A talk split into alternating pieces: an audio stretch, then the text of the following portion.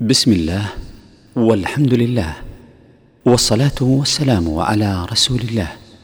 يسر تسجيلات الراية الإسلامية بالرياض أن تقدم لكم هذه المادة والتي هي بعنوان أسباب النزول لفضيلة الشيخ عبد العزيز ابن مرزوق الطريفي والتي ألقيت بجامع الحمراء الشرقية بمدينة الرياض. في الثالث عشر من شهر ذي القعدة لعام ألف وأربعمائة وواحد وثلاثين من الهجرة النبوية. والآن نترككم مع الشريط الأول. الحمد لله رب العالمين وصلى الله وسلم وبارك على نبينا محمد وعلى آله وأصحابه ومن تبعهم بإحسان إلى يوم الدين أما بعد. فقد جعل الله جل وعلا كتابه العظيم هداية ونورا ورشادا ودلالة لمن أراد الحق والخير والهدى وطلب ذلك. وجعله الله سبحانه وتعالى غواية لمن أراد الغواية والزيغ. وذلك أن الله جل وعلا جعل من كتابه المحكم البين وجعل منه المتشابه. فأنزل الله سبحانه وتعالى الكتاب منه آيات محكمات. هن أم الكتاب يعني أصله وقلبه ومجموعه وأخر متشابهات. فأما الذين في قلوبهم زيغ فيتبعون ما تشابه منه ابتغاء الفتنة وابتغاء تأويله. بين الله سبحانه وتعالى أن القرآن الأصل فيه أنه هداية وهذا هو المقصود من تنزيله. ويكون غواية لمن أراد الغواية ممن يلتمس المتشابهات لإضلال نفسه وإضلال الأمة. وقد جعل سبحانه وتعالى أفضل الأعمال هي تعلم القرآن. فقد جاء عن رسول الله صلى الله عليه وسلم كما جاء في الصحيح من حديث أبي عبد الرحمن عن عثمان بن عفان عليه رضوان الله تعالى قال رسول الله صلى الله عليه وسلم خيركم من تعلم القرآن وعلمه. وجعل الله جل وعلا كلامه أفضل الكلام على الإطلاق وخصه بجملة من الخصائص. ومن ذلك أن الحسنة لمن قرأ كلام الله بعشر أمثالها كما قال النبي صلى الله عليه وسلم فيما رواه عبد الله بن مسعود وغيره. قال لا أقول ألف لام ميم حرف ولكن ألف حرف ولام حرف وميم وميم حرف. الحسنة بعشر أمثالها إلى سبعمائة ضعف والله يضاعف لمن يشاء.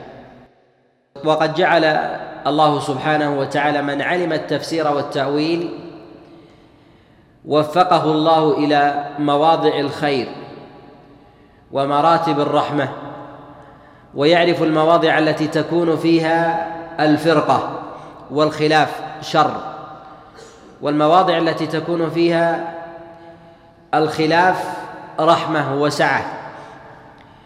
والأمة إذا جهلت القرآن وجهلت مواضع نزوله وقع فيها الشر والخلاف.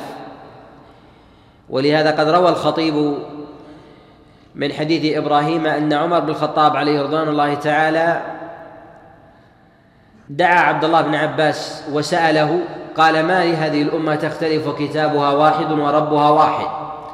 فقال عبد الله بن عباس إن القرآن أنزل إلينا ونحن نعلم فيما نزل وإنه سيأتي أقوام يقرؤون القرآن ولا يعلمون فيما فيما نزل فيختلفون. فزبره عمر عليه رضوان الله تعالى ثم قال إيه أعد يعني أعد ذلك المعنى الذي استحسنه عمر بن الخطاب. وذلك أن وجود النص إذا تجرد من معرفة معناه وسبب نزوله وقع الإنسان في الخلاف والشر. وذلك أن الله سبحانه وتعالى قد جعل كلامه عاما. وهذا هو الأصل من التنزيل. وهذا العموم لمصلحة الأمة في معرفة الحكم الخاص والمعرفة الحكم العام. وكذلك معرفة ما يترخص فيه الإنسان من وجوه الترخص عند الحاجة والضرورة. وهذا وهذا يعرفه ويدركه أهل العلم والدراية. وأما من أراد أن يأخذ ما يسوغ له من كلام الله جل وعلا فإن ذلك كائن. وقد وجد عبر التاريخ من شرب الخمر مستدلا بنص القرآن ومن زاغ عن طريق الحق من الوقوع في الشرك وغير ذلك مستدلا بالقرآن. ومن وقع في في خير الخلق بعد الأنبياء مستدلا بالقرآن. مما يدل على أن وجود أحرف القرآن بذاتها إذا تجردت من فهم أسباب النزول ومعاني الآي أن ذلك من وجوه الضلال والزيغ للإنسان. وهذا قد قال به غير واحد غير واحد من السلف من الصحابة وغيرهم.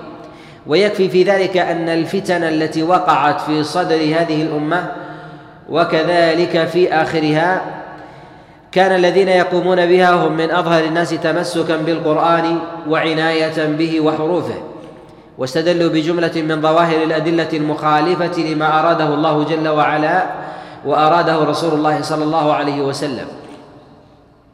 لهذا كان من أعظم المهمات أن يعتني طالب العلم أن يعتني طالب العلم بمعرفة القرآن بتأويله. وأعظم وجوه التأويل التي يستفيد منها طالب العلم معرفة للمعاني المقصودة هو معرفة أسباب النزول. وهذا ما دعا إليه السلف الصالح من الصحابة والتابعين. وإذا أردنا أن نعلم أن مقتضى حكمة الله جل وعلا من جهة الأصل أنه لا يفعل شيئا إلا لسبب. والله سبحانه وتعالى يتكلم لحكمة بالغة. وما أرسل الرسل الذين تنزل عليهم الكتب إلا لحكمة وسبب. ولهذا يقول النبي صلى الله عليه وسلم كما جاء في الصحيح قال كانت بنو إسرائيل تسوسهم أنبياءهم كلما ذهب نبي جاء نبي آخر. وإن الله جعلني خاتم الأنبياء والمرسلين. في هذا الخبر إشارة إلى أن الله جل وعلا يبعث الرسل لحكمة سياسة الناس وبيان الخير من الشر. وهذا هو الأصل من مقصود بعث الأنبياء على سبيل الإجمال. وإذا أردنا أن نعلم أسباب نزول اي القرآن فيجب علينا أن نعلم سبب نزول نزول القرآن بالكلية. على نبينا محمد صلى الله عليه وسلم وهذا أعظم وأسمى وأعلى سبب نزول في تاريخ البشرية. وذلك أن الله جل وعلا إنما أنزل كتابه على نبيه محمد صلى الله عليه وسلم ذلك لدفع الضلال والشرك. وكذلك أيضا أعظم شيء في أبواب أسباب النزول معرفة هو أن يعرف الإنسان العام من الخاص مما نزل. وأعظم عموم في كلام الله جل وعلا هو عمومته إلى سائر البشرية وإلى الجن. ولهذا قال الله سبحانه وتعالى في كتابه العظيم وما خلقت الجن والإنس إلا ليعبدون وقال الله جل وعلا وما أرسلناك إلا كافة للناس بشيرا ونذيرا قل يا أيها الناس إني رسول الله إليكم جميعا. فالله جل وعلا أرسل رسوله إلى الناس كافة. وقد جاء هذا في الصحيح من حديث أبي سعيد وابي هريرة أن رسول الله صلى الله عليه وسلم قال ما من نبي إلا أرسله الله إلى قومه خاصة وإن الله أرسلني إلى الناس كافة. ولهذا كان خطاب القرآن عام إلى سائر الناس. فسبب نزوله هو إصلاح البشرية في هذه الأرض كافة بل تعدى ذلك إلى الجن فهو رسالة إلى الثقلين. ولهذا خطب الله سبحانه وتعالى الجن والإنس على سبيل العموم وناداهم على سبيل الخصوص. فجاءت صيغ النداء بالعموم بقول الله جل وعلا يا أيها الناس وجاءت بصيغة العموم إلى الثقلين يا معشر الجن والإنس وجاءت أيضا على سبيل التخصيص على كل جنس. فنادى الله جل وعلا النساء ونادى الله جل وعلا الذكور ونادى الله جل وعلا الذين آمنوا ونادى الله جل وعلا الذين كفروا ونادى الله جل وعلا أهل الكتاب. فكانت النداءات من الله سبحانه وتعالى إشارة إلى الاهتمام وليس نزعا للعموم المتضمن لأصل الرسالة. فلما كانت الرسالة عامة وجه الله سبحانه وتعالى الخطاب إلى الناس كافة ويدخل في ذلك سائر الخلق الجليل والحقير. ولهذا يقول النبي صلى الله عليه وسلم مبينا هذا الأمر عموم الخطاب كما جاء في الصحيح من حديث أبي حازم عن أبي هريرة أن رسول الله صلى الله عليه وسلم قال إن الله إن الله أمر المؤمنين بما أمر به المرسلين. يعني أن الله جل وعلا يخاطب المؤمنين بخطاب المرسلين ويخاطب المرسلين بخطاب المؤمنين ولا دليل على الاختصاص إلا بدلالة صريحة كأن يبين الله جل وعلا الخصوصية في لفظ من ألفاظ الآية كقول الله جل وعلا خالصة لك. وهذا فيه إشارة إلى أن هذه الآية هي من خصائص رسول الله صلى الله عليه وسلم. فيبقى حينئذ معرفة حكمها تدينا وعبادة. والتلفظ بذلك أيضا من أعظم العبادة وهي المقصودة من ورود ذلك اللفظ في القرآن وتضمنه له إلى قيام الساعة. وكذلك ما يتضمن من علل ليست بمخصوصة من قياس تلك المعاني على علل أرادها الله جل وعلا وحكم وغايات لا يدركها الإنسان من تباين أحكام البشر لاختلاف قدرة الله جل وعلا في تكوينهم وتركيبهم.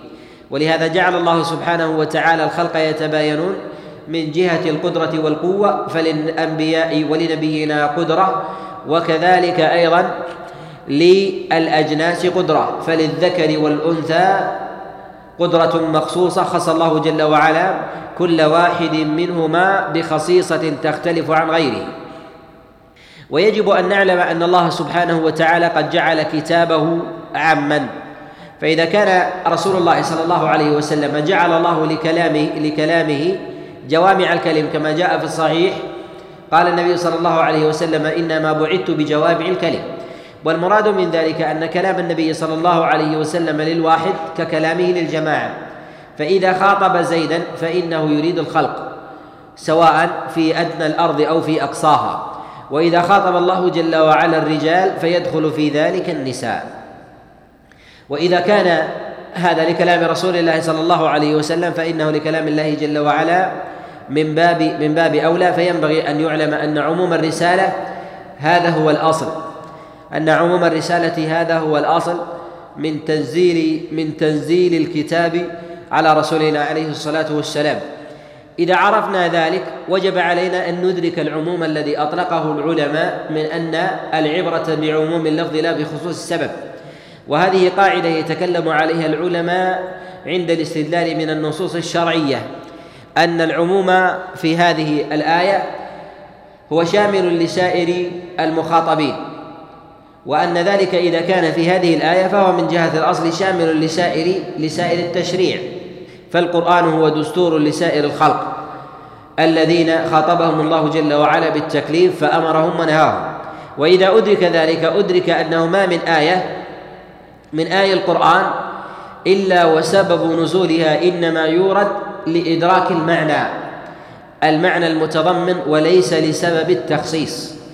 وبه نعلم أن أهمية معرفة أسباب النزول تقي الإنسان من الوقوع من الانحراف عن المعاني المقصودة من من مراد الشارع من كلام الله جل وعلا وكلام رسول الله صلى الله عليه وسلم. وينبغي أن يعلم أيضا أن الأسباب هي على نوعين. الأسباب في نزول التشريع على نوعين كما أن التشريع على نوعين كتاب وسنة كذلك فإن الأسباب على نوعين. السبب الأول هي أسباب نزول الآية وهذا هو الأصل الذي نتكلم عليه هنا. السبب الثاني هي أسباب ورود الحديث الحديث على رسول الله صلى الله عليه وسلم. وسبب ورود الحديث فائدته كسبب ورود نزول الآية. وذلك أننا إذا عرفنا سبب نزول الآية فهمنا المعنى وهذا هو الأصل. ولهذا ينبغي للإنسان أول ما يبادر إلى فهم إلى فهم الآية وتفسيرها أن يعرف سبب نزولها. فإذا جهل سبب النزول ربما اشترك اشترك مع الكلام أو المعاني الصحيحة بعض المعاني الخاطئة فدخلت إلى ذهنه ففهمها على غير وجهها. ومن أراد أن أن يفسر كلام الله جل وعلا إلى مجرد اللغة العربية مجردة من غير نظر إلى سبب النزول وكذلك معاني الحال التي أنزل الله جل وعلا عليها الخطاب فيقع في الوهم والغلط. وهذا قد وجد في خير الخلق من الصحابة عليهم رضوان الله تعالى وهم خير الخلق بعد بعد الأنبياء. كما جاء في الصحيح من حديث عامر عليه رحمة الله أن عديا قال لما أنزل الله جل وعلا وكلوا واشربوا حتى يتبين لكم الخيط الأبيض من الخيط الأسود من الفجر. فقال عمدت إلى عقالين أو إلى حبلين فوضعتهما تحت وسادتي فكنت أنظر إليهما فقال لي رسول الله صلى الله عليه وسلم إن الأمر ليس على هذا وإنما هو سواد الليل وبياض النهار. فإذا علمنا أن علي بن أبي طالب لم يكن من أهل المدينة في حال ورود القرآن وإنما كان من الآفاق. فنزل النص على غير مصطلحه وعلى غير الحال التي كان عليها فأرجع تفسير ذلك اللفظ إلى لغة العرب. فتفسيره من جهة الحق والتأويل صحيح فهو تفسير عربي يرجع إلى كلام العرب. ولكنه من جهة مراد التنزيل وسبب النزول فإنه فإنه خاطئ. ولهذا قال النبي صلى الله عليه وسلم إنه ليس ليس كذلك يعني ليس على هذا المعنى. وبه نعلم أن سبب نزول القرآن أيضا هو على معنيين. سبب نزول مخصوص معين سواء كان ذلك بحالة معينة أو على فرد معين. وذلك أن كثيرا من الآي يرد سبب نزوله في كلام العلماء على فرد معين. كما جاء مثلا في مسألة حلق الشعر في حال كعب بن عج... في حال كعب بن عجرة في لما آداه هوام رأسه. وهذا سبب نزول الآية. وهذا السبب إنما هو لبيان المعنى المقصود. وكذلك فهم فقه هذه الآية. وأما السبب الثاني الدقيق الذي لا يكاد يدركه إلا العلماء الخلص هم أن يعرف الإنسان الحال عند سبب عند نزول الآية. والحال في ذلك أن يعرف المصطلح الذي كانوا عليه. وهذا لا يمكن أن يتحقق إلا بفهم مجموع الشريعة من كلام الله جل وعلا وكلام رسول الله صلى الله عليه وسلم. فيجمع الإنسان الألفاظ المتشابهة ويلحق بعضها مع بعض حتى يدرك المراد من سياق الآية ودلالاتها.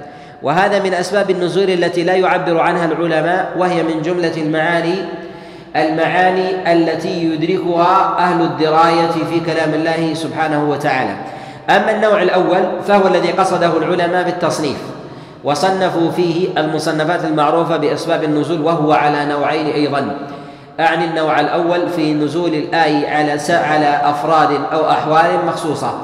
فهذا على نوعين. النوع الأول أن يرد في كلام العلماء أن هذه الآية نزلت في فلان ابن فلان أو نزلت لما كان الصحابة في بلد في بلد كذا وكذا. وهذا وهذا أيضا كثير. الأمر الثاني هو أن يرد في كلام جملة من المفسرين الكلام على سبب نزول الآية فيقولون سبب نزولها كذا وكذا. وهذا اللفظ في كلام المفسرين سواء من الصحابة والتابعين يريدون بذلك المع النوع الثاني من التقسيم السابق ولا يريدون بذلك أن هذا قسيما له وذلك أنهم يجعلون المعاني في مراد كلام الله جل وعلا سببا لنزولها. وذلك أن الله سبحانه وتعالى حينما يبين الأحكام للناس من رفع الحرج من الفطر في حال السفر. فيقولون مثلا بعض المفسرين أن هذه الآية إن هذه الآية نزلت في الرجل يسافر عن أهله فيشق عليه الصيام. فهذا المعنى أرادوا بذلك التفسير وما أرادوا بذلك سبب التأويل. ولهذا ندرك كثيرا ما يتكلم عليه العلماء في أسباب النزول فيقولون قد ورد في سبب نزول هذه الآية عدة معاني. فيريدون كلام العلماء المجمل المقصود في في سبب في سبب في معنى هذه الآية لا في سبب نزولها. فيكون حينئذ ثمة معاني يصطلح العلماء عليها أنها من أسباب النزول وليست هي من الأسباب الاصطلاحية التي يتكلم عليها العلماء وإنما هي وإنما هي معاني عامة في بيان في بيان مقاصد الله جل وعلا من انزال من إنزال الآية. ولهذا ندرك الوفرة والكثرة التي يريدها العلماء في أسباب في أسباب نزول في أسباب نزول آي الله سبحانه وتعالى ويأتي الكلام على شيء من ذلك ببيان الأسانيد التي يدور عليها تدور عليها أسباب النزول. وكذلك أيضا من كان من أهل الاختصاص في أبواب في أبواب أسباب النزول من المفسرين من الصحابة والتابعين وكذلك أتباعهم. ومن الأمور المهمة التي تبين جلالة قدر أسباب النزول أن أسباب النزول من جهة الأصل تكون موقوفة ومقطوعة ولكن لها حكم الرفع وقد حكى إجماع العلماء على ذلك غير واحد كابن الصلاح وكذلك الخطيب البغدادي وغيرهم.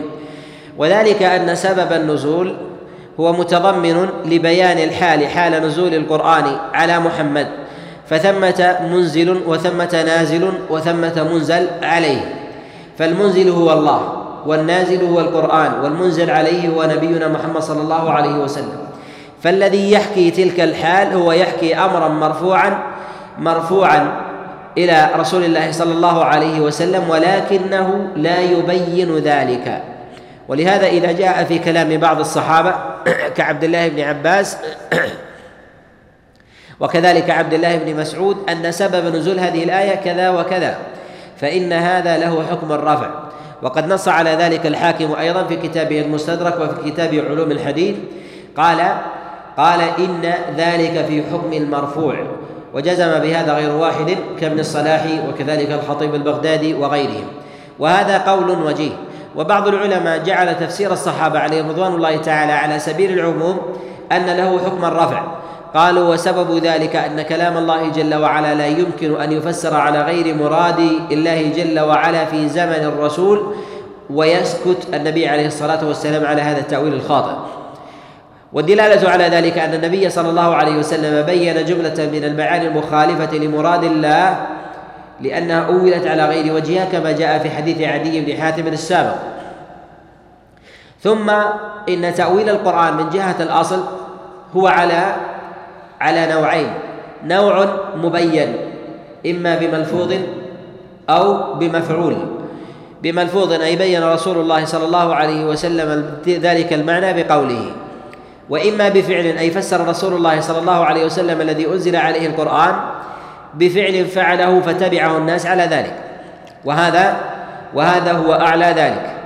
النوع الثاني هو هو بالسكوت والإقرار. فإذا نزل القرآن وألقي على الناس ففسروه على معنى وهذا هو مجموع القرآن فإن هذا فإن هذا إقرار على ذلك المعنى الذي فسره الصحابة ولهذا ذهب غير واحد من العلماء إلى أن تفسير الصحابة له له حكم الرفع على الإطلاق. نص على ذلك الحاكم عليه رحمة الله في كتاب معرفة علوم الحديث وكذلك في كتابه في كتابه المستدرك. قال وتفسير الصحابي الذي الذي شهد الوحي هو في حكم المسند المرفوع. وقد حكى أيضا الإجماع على ذلك. حمل بعض العلماء كلام الحاكم في هذه في هذا الموضع على أنه أراد أسباب النزول على سبيل التخصيص ولكن جاءت عنه ألفاظ عامة أنه يريد يريد في ذلك في ذلك العموم. ولكن يقال إن كلام الحاكم في جعل الموقوف في حكم المرفوع إلى رسول الله صلى الله عليه وسلم أنه على نوعين. ما كان في أسباب النزول فله حكم الرفع وهذا الذي نص عليه الإجماع. الأمر الثاني ما كان في غير سبب النزول فهذا هو الذي قد وقع فيه خلاف وهو أقرب أقرب إلى إلى المرفوع. وذلك أن الله جل وعلا قد جعل بيان القرآن بيان القرآن له سبحانه وتعالى ليس لأحد. ثم إنا علينا بيانه أي أنه ليس لك وليس لأحد لأحد من الناس. والبيان إما أن ينزل القرآن على حال أو على فرد أو في حال في حال تبين الإشكال وتحله فيكون حينئذ سبب النزول هو حل لمشكلة نازلة. فإذا كان سبب نزوله على هذه الحال كان أظهر في بيان المعنى. فحينئذ نعلم أن أسباب نزول القرآن هي مشتركة أو في قلب تأويل القرآن. وذلك أن المعاني تقترن أو يقترن تفسيرها تفسير الألفاظ يقترن بمعرفة بمعرفة الحال الذي ورد عليه النص. فإذا فعل الإنسان فعلا فقال له قائل آمر أو ناهي افعل أو لا تفعل. فإن ذلك يبين الأمر أكثر من لو جاء النص افعلوا كذا أو لا تفعلوا كذا. وذلك أن الأمر تارة يكون على سبيل التأكيد فإذا فعل الإنسان فعلا فأتى الأمر مؤكدا له أن هذا يكون من باب الحث والحظ. الأمر الثاني أنه إذا جاء نهيا عند فعل فإن ذلك آكد من أن يأتي النهي عام من غير فعل. وذلك أنه في الحالة الأولى يكون قريبا من التحريم أو كالنص بالتحريم بخلاف الثانية فإنه قد يشتمل إلى على على التحريم أو غيره. لهذا كان سبب نزول القرآن من أعظم ما يجعل الإنسان من أعظم ما يجعل الإنسان من أهل التأويل ومعرفة الناسخ من المنسوخ وكذلك المحكم من المتشابه.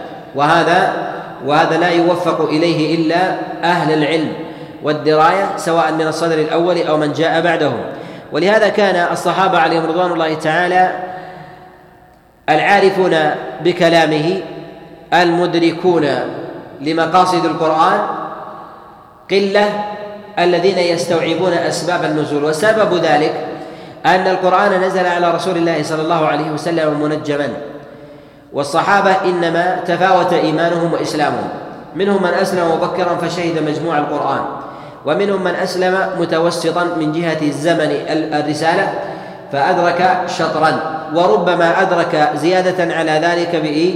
بالمنقول له عن غيره. وهذا وهذا محتمل.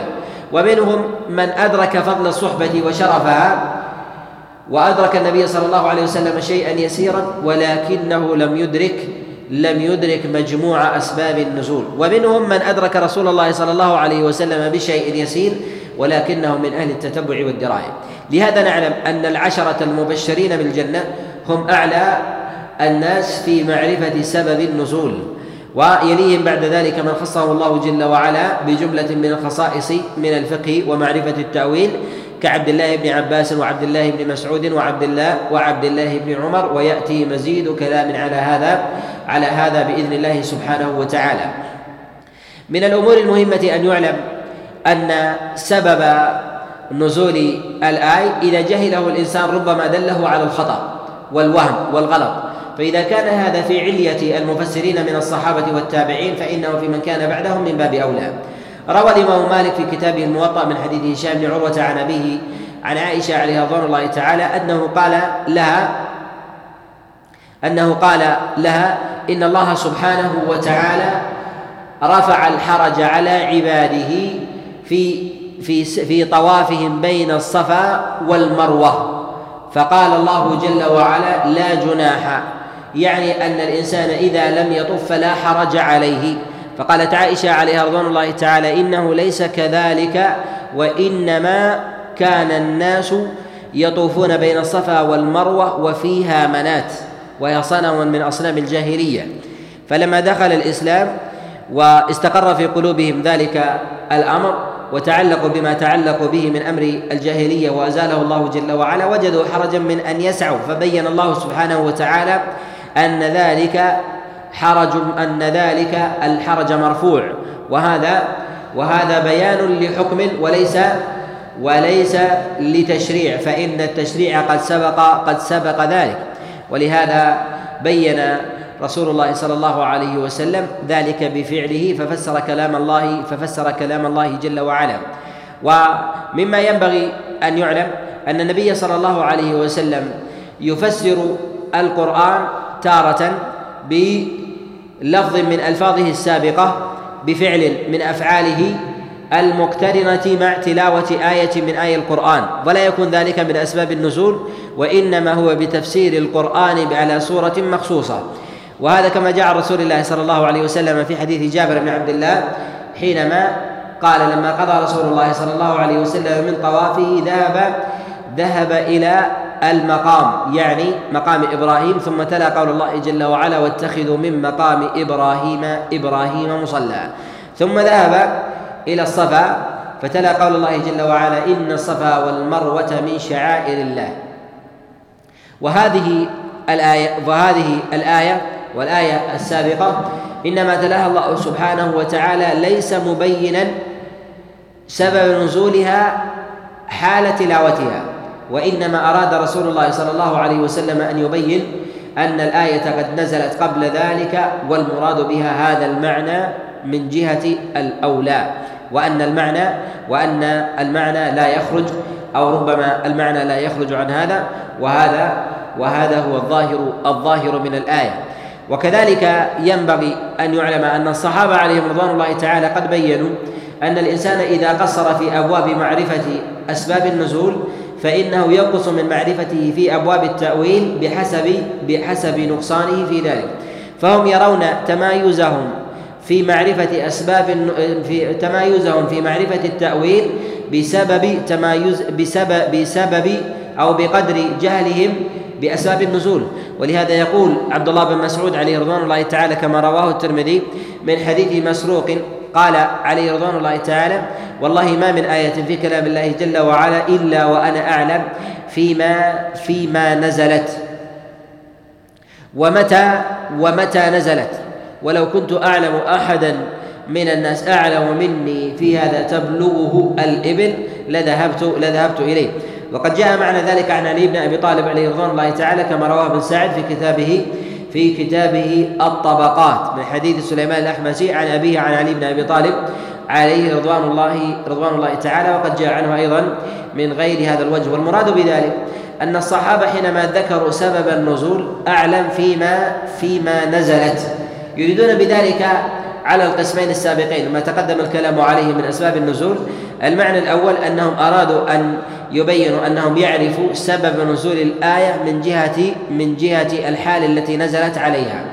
والثاني مراد الله جل وعلا بالمعنى وليس المراد بذلك هو أن يكون لكل آية سبب نزول على فرد سواء كانت قضية مخصوصة أو كانت لجماعة ونحو ذلك. ولهذا كان الصحابة عليهم رضوان الله تعالى يدركون أن القرآن إنما نزل على نبينا صلى الله عليه وسلم منجما. وهذا التنجيم بحسب مقتضيات الحال. وعلى هذا يمكن أن يقال أن ويمكن أن يقال إن أسباب النزول من جهة الدقة هي على أنواع. النوع الأول أسباب عامة. يعني اقترن الحال اقترن الحال بسبب بسبب أوجب نزول تلك الآية. وذلك على سبيل المثال كانت كأن يكون كأن يكون قد تهيأت نفوس الناس على مشروعية نزول الخمر نزول تحريم الخمر. فحينما توطنت النفوس وقوي الإيمان كان ذلك سببا في نزول هذه الآية. وهذه المعاني العامة في أسباب نزول القرآن هي التي ينص عليها بعض العلماء في أسباب نزول الآية أن الآية القرآن نزل في كذا وكذا ولا يريدون بذلك التخصيص. فيرد في كلام الصحابة ويرد في كلام التابعين أن سورة كذا أو أي كذا نزلت في في كذا وكذا ويريدون بذلك هي الحال العام. وينبغي أن يعلم أن هذا القسم من أقسام أسباب نزول الآية مع عمومه فإنه يتباين من جهة اتساعه. فثمة آيات نزلت على سبيل العموم فتشمل بلدة وأوسع منها فيكون حينئذ هذا يتباين بحسب بحسب معرفة الحال وهذا يحتاج إليه طالب العلم يحتاج معه طالب العلم إلى معرفة أقسام سور القرآن من المكي والمدني وهذا من أعظم ما يعين طالب العلم في معرفة أسباب النزول في ما يتعلق في أبواب عموم عموم سبب ورود ورود الحديث آه، ورود آي القرآن. فإذا عرف المكي من المدني استطاع أن يربط المعاني التي نزلت في التي نزلت في مكة وأسباب القرآن آي القرآن التي نزلت التي نزلت في المدينة. ويستطيع حينئذ أن يفهم السياقات التي تضمنتها بعض آي القرآن فيستطيع حينئذ أن يرجح كذلك أيضا أن يعرف درجات المعاني من جهة الأصول ثمة معاني متباينة ثمة معاني في أبواب التوحيد والعقائد وثمة معاني في أصول الإسلام الكلية الظاهرة مما دون ذلك أركان الإسلام وثمة أيضا ما يتعلق بالمعاني والأصول الكلية وهي تتبع ذلك. وهي ما يتعلق بأبواب العقائد من فروع الإيمان ونحو هذا من بعض جزئيات مسائل القدر والأسماء والصفات ونحو ذلك فإن هذا إنما زل إنما نزل مجموعه متأخرا وإن كان أصله وتقريره قد نزل على رسول الله صلى الله عليه وسلم قبل ذلك. فيستطيع حينئذ أن يعرف المتقدم من المتأخر بما بفهم بفهم حال الناس. وإذا كان الإنسان من أهل الجهالة من أهل الجهالة بحال الناس في زمن رسول الله صلى الله عليه وسلم ومن أهل الجهل بتقلب الزمن والحال التي كانوا عليها من بلد إلى بلد ومن حال إلى حال ومن غنى إلى فقر. فإنه يجهل هذا الفقه وهو من جهة الأصل. قد نجمل أنه بحاجات أن الإنسان لا يمكن أن يدرك هذا المعنى إلا إلا بأحوال. الحالة مع الأمر الأول هو أن يعرف البلد التي التي نزلت فيها السورة. حتى يستطيع حينئذ أن يميز. وسبب ذلك أن آي القرآن كما تقدم لها معاني.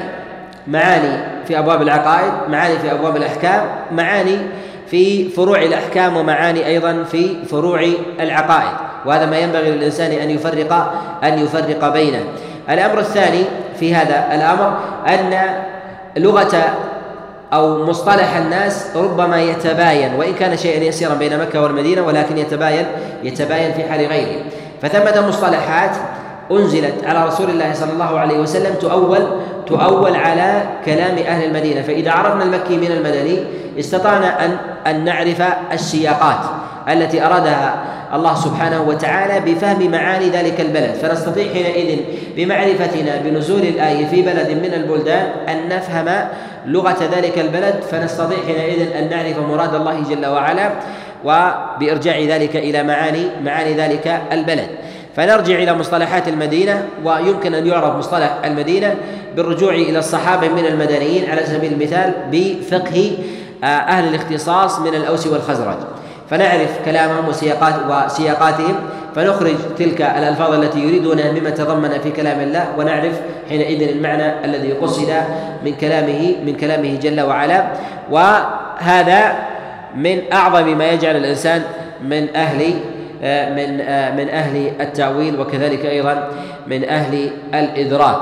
الأمر الثاني مما يحتاجه الإنسان من المعنى من بعد النقطة الأولى في معرفة الإنسان ل أو ما يعين الإنسان في معرفة الحال العامة أن يعرف الأفراد الذين نزلت نزلت فيهم هذه هذه الآية. نزلت فيهم هذه الآية وهذا أيضا من المهمات. فثمة آية نزل في أهل الكتاب وثمة آية نزل في المشركين.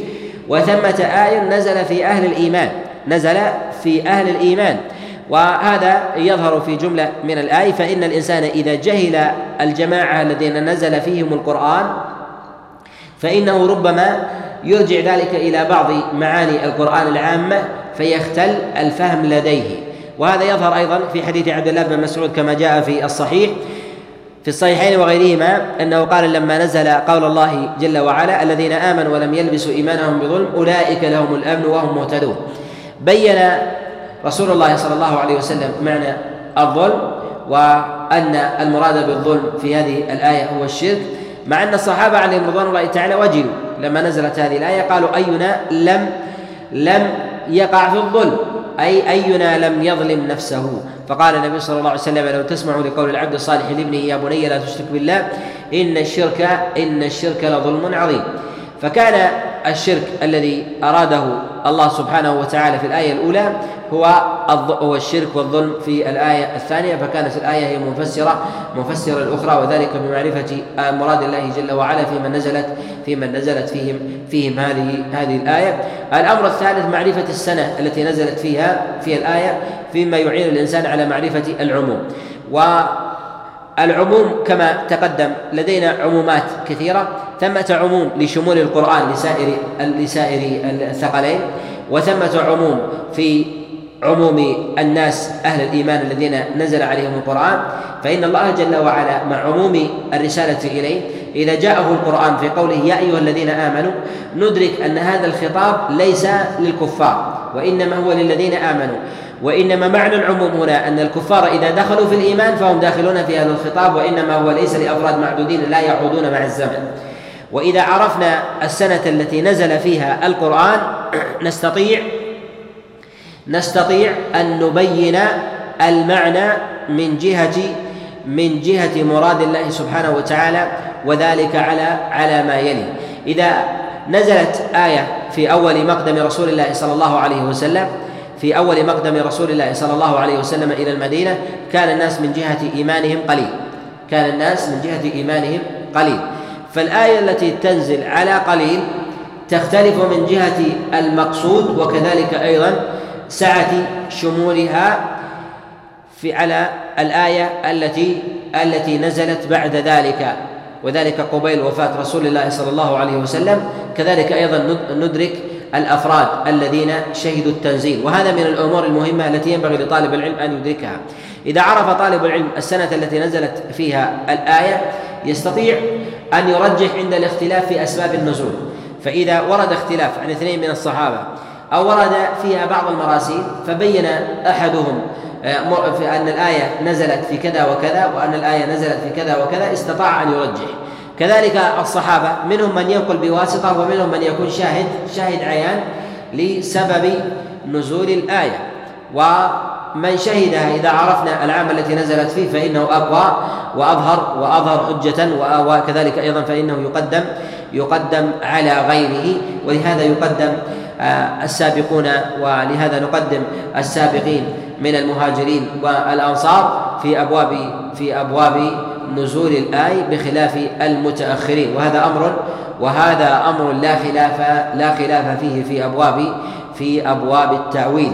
الأمر الثاني والنوع الثاني من أنواع سبب النزول هي المخصوصة والتي وهي التي التي تقدم الإشارة إليها وهي التي نتكلم عليها بإذن الله عز وجل في الدروس القادمة في من اعتنى في أبواب أسباب النزول وكذلك الكتب المصنفة في أسباب النزول وكذلك الأسانيد في أسباب النزول وغير ذلك. ومن المهم أن يشار هنا إلى أن طالب العلم ينبغي له أن يعرف مواضع التأويل مع إدراكه لأسباب النزول أن يعرف مواضع التأويل. ومواضع التأويل في كلام الله سبحانه وتعالى هي هي كما قال عبد الله بن عباس فيما رواه ابن جرير الطبري في أوائل كتابه التفسير قال تفسير القرآن على أربع تفسير لا يعذر أحد بجهله يعني يعلمه كل كل أحد وتفسير تعرفه العرب العرب في كلامها وتفسير يعلمه العلماء وتفسير لا يعلمه لا يعلمه إلا الله. والمراد بذكر هذه التقاسيم الثلاثة أو التقاسيم الأربعة والثلاثة المدركة.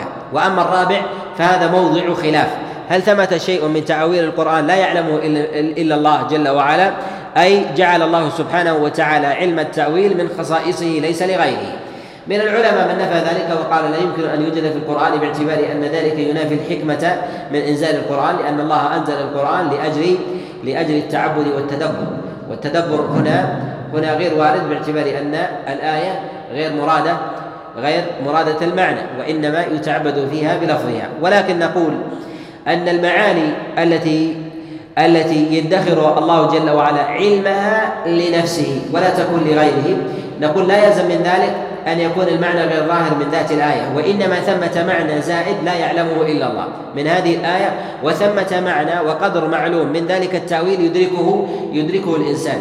وهذا هو المراد أن الآية يكون لها لها معنيان. المعنى الأول معنى يدركه الإنسان وهو مما ما يقتضي التدبر والتأمل ومعنى زائد عن ذلك وهو ما لا يدركه إلا إلا الله سبحانه وتعالى. أما أن يكون ثمة آية لا يدركها إلا الله جل وعلا على الإطلاق وبأولها وإنما يتلفظ بها الإنسان كما يتلفظ الأعجمي بالعربية ولا يدرك غيرها فإن هذا منتفي على قول على قول جماعة جماعة من العلماء. وبهذا نستطيع أن نخرج من الخلاف في بعض الإطلاقات التي جاءت في كلام العلماء أن من كلام الله ما هو متشابه مطلق. يعني أنه لا يمكن أن يدركه أحد وإنما خصه الله جل وعلا خصه الله جل وعلا لنفسه والعلم عند الله عند الله في ذلك. ومن العلوم المدركة في قول قول عبد الله بن عباس من آي القرآن ما لا يعذر أحد أحد بجهله. والمراد بالأحدية هنا لا يعذر أحد بجهله يعني ممن نزل عليه القرآن ممن نزل عليه القرآن. أو ممن لم ينزل عليه القرآن لأنه يتبادر إلى الذهن بخلاف من أراد تعنتا في في أبواب الفهم. فإن الله سبحانه وتعالى حينما يقول يا أيها الناس فإنه معلوم أن الخطاب هنا يتوجه إلى الخلق فهذا نوع من التأويل. وأن الذي خاطب هو الله جل وعلا وأن الناس هو يشمل الذكر والأنثى. هذا خطاب وتأويل لا يعذر أحد لا يعذر أحد بجهله. ولا يمكن أن يقول الإنسان أن الخطاب في هذه الآية يا أيها الناس أن الله جل وعلا يريد به مخلوقات غير هذه غير هذه المخلوقات. هذا هذا معنى معنى بعيد. وهو من المعنى المعاني التي قصدها عبد الله بن عباس عليه رضوان الله تعالى في قوله لا يعذر أحد لا يعذر أحد بجهله. آه، النوع الثاني في قوله هنا ما ما ما ما يعرفه ما تعرفه العرب في كلامها. ما تعرفه العرب في كلامها وما يعلم في أشعار العرب وأعلى ذلك وأفضله هو لغة لغة الحجاز. ورسول الله صلى الله عليه وسلم إنما أنزل عليه مجموع القرآن على لغه على لغة قريش. ولهذا قال الله سبحانه وتعالى لذكر لك ولقومك. يعني القرآن قال غير واحد من المفسرين كما جاء عن عبد الله بن عباس لقومك قريش. أي أن الله جل وعلا رفعك ورفع قومك بهذه اللغة التي أنزل أنزل عليها القرآن. وهذا من الأمور التي تجعل طالب العلم أنه إذا أراد أن يفسر القرآن ألا يرجع إلى ما يسمى بالقواميس والمعاجم ألا يرجع إلى القواميس والمعاجم. وثمة خلل في أبواب التأويل عند كثير من المتأخرين وهو أنه إذا أراد أن يفهم موضعا وخاصة في أبواب الأحكام أنه يرجع إلى القواميس والمعاجم اللغوية. يرجع المعاجم اللغوية هذا هذا صحيح من جهة المجموع أن تدرك شطرا من المعنى. ولكن إذا جهلت الحال التي نزل عليها ذلك المعنى ذلك المعنى في كلام الله فإنك وقعت في الوهم والغلط بتأويلك كلام الله جل وعلا على وجه صحيح في كلام العرب. ولكن ما أراد الله سبحانه وتعالى كما وقع هذا لبعض الصحابة وهم من هم؟ كما تقدم في حديث علي عليه رضوان الله تعالى أنه فسر الخيط بالحبل وهذا من جهة التأويل من جهة التأويل الصحيح وأما موضع ذلك الذي يعين طالب العلم في معرفة في معرفة التأويل الصحيح هو أن يعرف الإنسان لغة المدنيين وأن يعرف الإنسان لغة لغة المكيين. وهذا وهذا يكون بضبط النصوص الواردة عنهم بضبط الآثار بضبط الأحاديث المنقولة عنهم بضبط أشعارهم من كان من أهل الأشعار وكذلك بالعناية بمجموع بمجموع فقههم. إذا اعتنى الإنسان بذلك فإنه يستطيع أن يدرك المعاني التي يستطيع الإنسان أن يدرك المعاني التي قصدها؟ قصدها الله سبحانه وتعالى وأراده وحينئذ يتضح له يتضح له سبب النزول بأيسر بأيسر حجة وأسهل أسهل سبيل.